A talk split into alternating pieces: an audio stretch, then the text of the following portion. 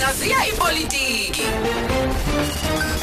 Hlaziya ipolitiki 23 past 7 sikubingelele sikwamukele mtaka. Abendlovu enamandla enhla nasezaphi siyabingelela dedewethu mtaka kuthema kwenziwe izibalo i-International Monetary Fund ithema yenze izibalo ibheka nje eh, umnotho waseChina. Yabona kuyabalula ukuthi izosuka kwi2 thirds iye ku3 quarters.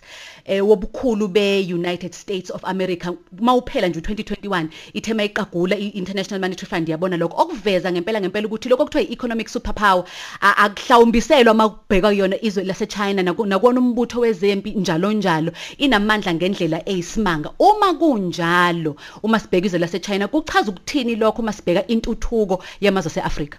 Asiqale sivumelane ngokuthi amashayina enze kahle ukuthi afule umnotho wawo futhi kuhamba njengoba ayehlelile.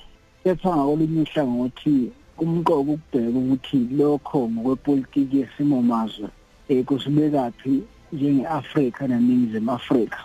Umbono wami ukuthi njengoba sihlale sikhala ukuthi amamelikana eh namangisi nabanye basempumalanga bayingozi engakanani emnothweni nasenkulweni yamazwe aseAfrika iShayina iyingozi kakhulu. iShayina iyingozi ngoba uma kungakwenzela nje isibonelo esiveze yona iInternational Monetary Fund eh kanye eh, ngamazwe aseAfrika nje akweleta iChina.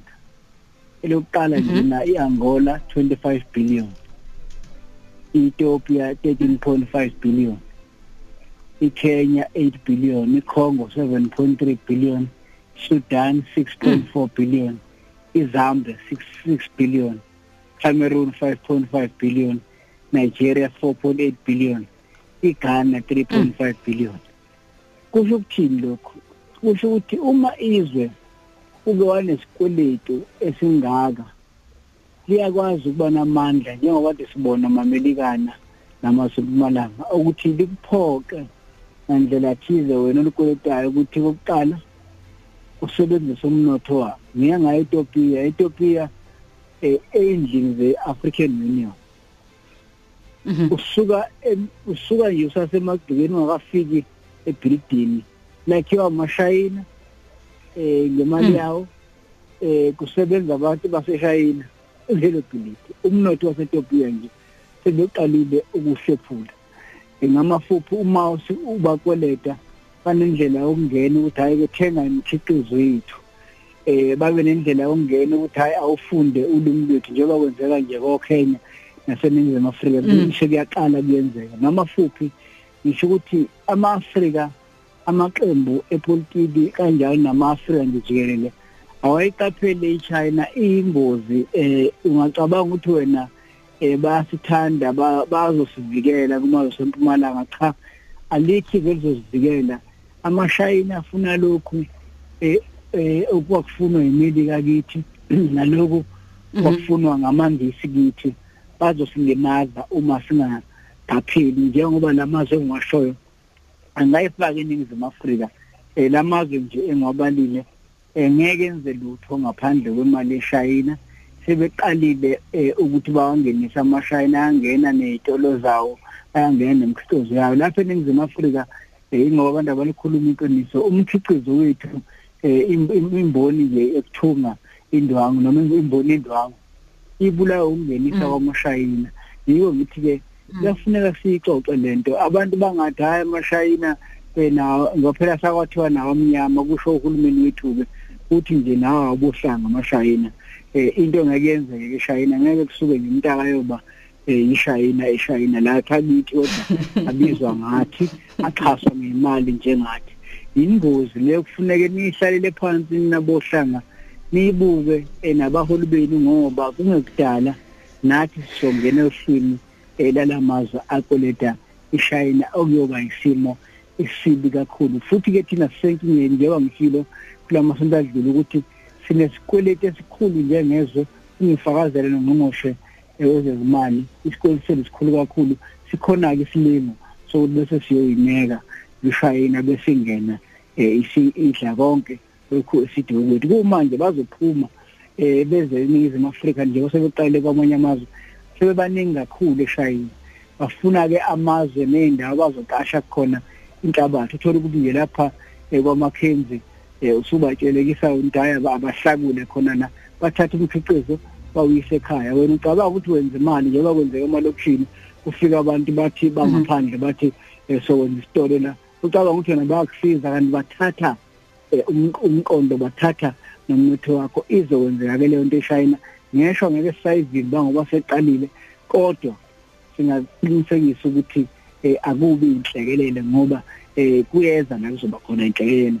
Sazokhala nje eminyakeni eyishumi isikhala nje sasikhala ngamangisi namamelikana siyangena nathi ogibeni lamazungu abalile asengene kulo. Mtaka kulomzuzu owodwa usele njengoba ku 29 past 7 mhlawumbe omunye ngathi kuyingozi ngani bakithi eh sixakeke kangaka? Alabantu bazofika bafike eh bazositakula baletha usizo sicwile zikweletini asisebenzi. Kumbi kumbi kubi kukhala ngapha nangapha uthi isimo somnotho siyacondobezela ngayo yonke indlela. Uma bethi baletha intuthuko esizoyibona ngamehlo yini le dala sikhale kangaka? Ikhona phela uma ukhona umehluko phakathi komuntu okuboleka imali bese nihloniphana nibuyiselana ngoba niyalingana kanye nomuntu ufuna ukugqilaza yona ishayina qobo lwayo ibe yaba sesimeni sethu sokungabi namntuthuko namali. Njengoba ngikhuluma nawe nje sebeshile ukuthi sebeliqedile inhlupheko endaweni zasemakhaya.